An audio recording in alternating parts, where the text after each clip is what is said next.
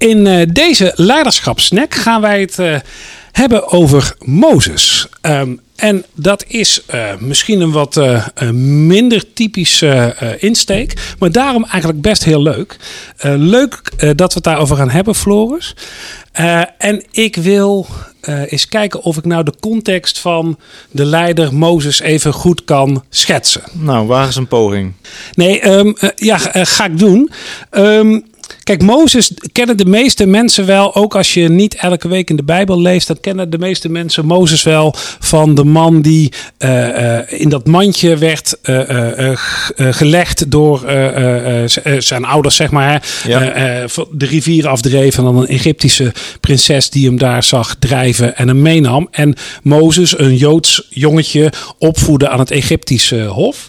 Um, en um, wat dan, uh, denk ik, voor dit verhaal van belang is: uh, Mozes groeit daar op en komt op een gegeven moment in een situatie terecht dat hij als uh, opgegroeide aan het Egyptische hof ziet dat een Egyptische bewaker een Joodse arbeider bij de bouw van misschien de piramides, dat weet ik niet precies. Dat oh, dat weet jij ook niet. Nee, nou, nee. Um, is ook niet zo belangrijk dan, denk ik. Maar in ieder geval, hij ziet dat die Egyptische bewaker die Joodse man mishandelt tijdens het werk. En, en hij neemt hij neemt daar nou op niet zachtzinnige wijze wraak op. Zo erg dat deze Egyptische bewaker uh, sterft. Hij hem begraaft. En ja. Um, nou ja, hij vlucht daar eigenlijk weg.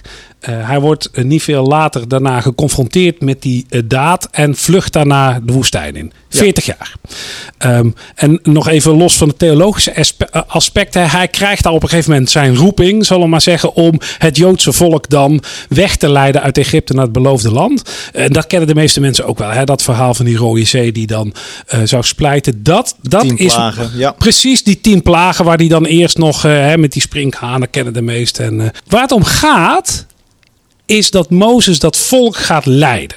Ja. En dat is denk ik wel een interessante om eens te kijken wat, wat wij daarna, wat zijn uitdaging daarin was en wat wij daarvan leren kunnen.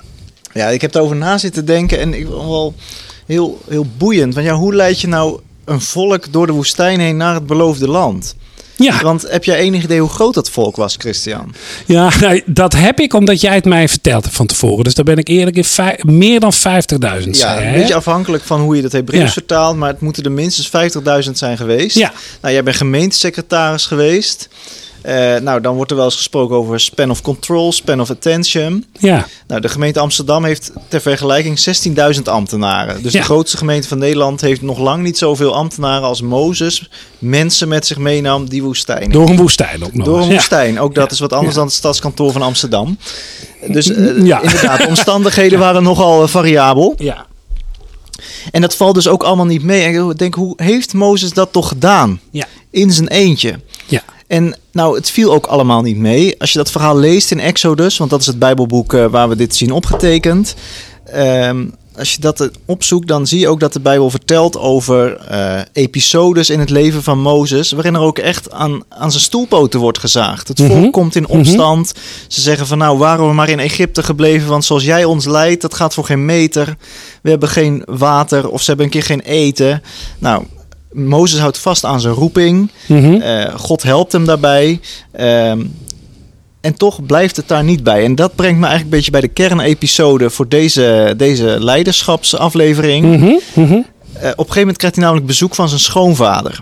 Ja. Hij heeft 40 jaar in de woestijn eh, gearbeid hè, als herder. Dat vertelde jij net. In die periode is hij ook getrouwd.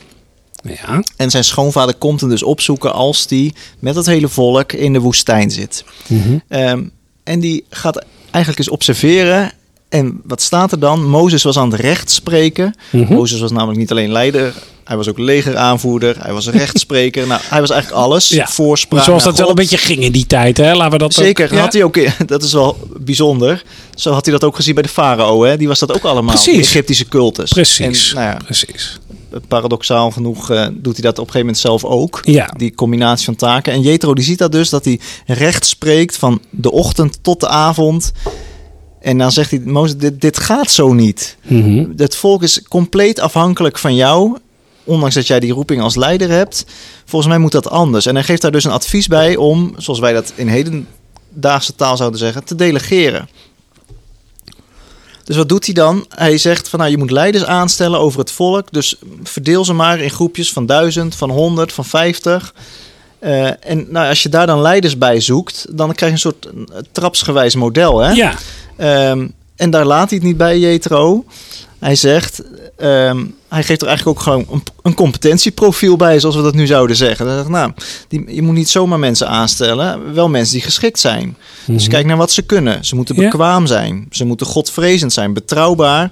En, zo staat er dan, een afkeer hebben van winstbejag. Nou, dat lijkt me een goed uitgangspunt als je recht moet spreken. zeker. Dus dat, dat, dat vind ik wel mooi. Als je dit, dit hoort, Christian, vind je, denk je dan van, nou... Nou, ik, ik, ik vond dat treffend, ook voor nou, deze tijd. Eh, Zeker. En bedoel, het heeft natuurlijk ook wel. eh, eh, zeg maar dat ondanks tegenslagen doorworstelen met die opdracht. Dat is natuurlijk ook al een hele mooie. Dat soort dingen kom je ook wel tegen. Maar wat ik wel heel aansprekend vind, is eigenlijk dat eh, besef wat bij Mozes dus blijkbaar indaalt. Dat hij zegt van ja, dit moet ook wel anders. En dat hij het dus ook aandurft om deze opdracht los te laten. En dat is wel mooi, omdat je. Um, ik denk dat dat een worsteling is waar heel veel mensen wel mee zitten. Hè? Jij hebt een opdracht gekregen. En dat kan minder hoogdravend zijn dan eh, deze misschien door Mozes ervaren Dat hoop ik ook voor de meeste mensen. Zeker. Ehm, maar jij hebt die opdracht gekregen, of jij bent met een idee begonnen, of een bedrijf gestart, of wat het dan ook is waar jij leiding aan geeft. En dan komt dat moment dat je eh, zeg maar ziet dat het niet meer kan, of dat iemand anders het je laat inzien. Wat ja, ook dat vind ik nog wel een sterk punt hoor. Dat Vind hij ik ook ook. accepteert dat er iemand Ja. advies aan hem geeft. Ja. Nou ja, had ook kunnen zeggen, ja, ik heb inderdaad die opdracht gekregen en ik moet het volbrengen. En Ja. wat bemoei jij je mee? Ja. Eh, hè? Nou, Dus, dus dat zijn twee dingen die ik echt mooi vind. Is dat hij aan de ene kant zich dus laat spiegelen. Om even die modeterm daarbij te gebruiken. Hè. Dus hij laat zich als het ware door, deze, door zijn schoonvader laat hij zich aanspreken. En dat neemt hij ook in zich. Maar het lukt hem dus ook om dat los te laten. En andere mensen, andere onderdelen van wat ooit zijn opdracht was, te laten doen. Mag ik nog één ding eh, toevoegen, Ja. eh, Floris? Eh, en dat, misschien, misschien moeten we dat wat kort behandelen, ook met de tijd. Hè? Maar ehm, jij zei, voordat wij gingen opnemen, zei jij iets moois over Mozes. Dus toen zei jij, ehm, eh, wie was er eigenlijk beter geschikt om zo'n volk door de woestijn te leiden dan Mozes? Hij heeft zelf 14, 40 jaar door die woestijn getrokken met zijn schapen. Ehm, en dat eh, haalde bij mij wel een andere gedachte boven. En dat is namelijk de gedachte dat er meer is dan zeg maar, dat het leiderschap wat je kunt leren eh, op universiteiten of uit boeken of naar het luisteren van een leuke podcast over Nou. historische leiders. Wat hij deed was gewoon zijn levensbagage meenemen. ja. Ja. ja, en dat gaat verder dan die 40 jaar voorbereiding in de woestijn met zijn schapen, hè, bedacht ik me. Zeker. Want hij heeft daarvoor al, eh, in zijn jeugd, is hij opgegroeid aan het Egyptische Aan hof. hof, Dus hij heeft daar ook gewoon een opleiding genoten. Hè? Zijn, Ja. zijn Hebreeuwse eh, volksgenoten, die waren aan het zwoegen met stenen. Ja. Maar hij werd gewoon opgeleid. Hij was de pleegzoon van de dochter van de farao. Ja. Hij liep daar rond aan het hof. Dus eh, hij heeft ook ongetwijfeld iets van kennis opgedaan over misschien een legeraanvoering, eh, organisatie. Ja. Eh, dus hij neemt inderdaad bagage vanuit zijn hele voorgaande leven mee in die grote opdracht om dat volk naar het beloofde land te leiden.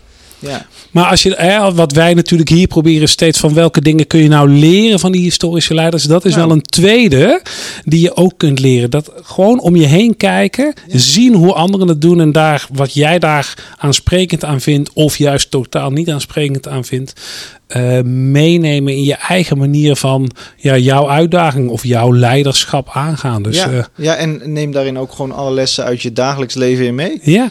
Wat, eh, wat maak je mee aan de ontbijttafel, bij Ja. zo'n spreken? Hè? Ja. Of eh, vroeger op de hockeyclub. Hè? Dat, ja. zo klein en eh, simpel kan het zijn.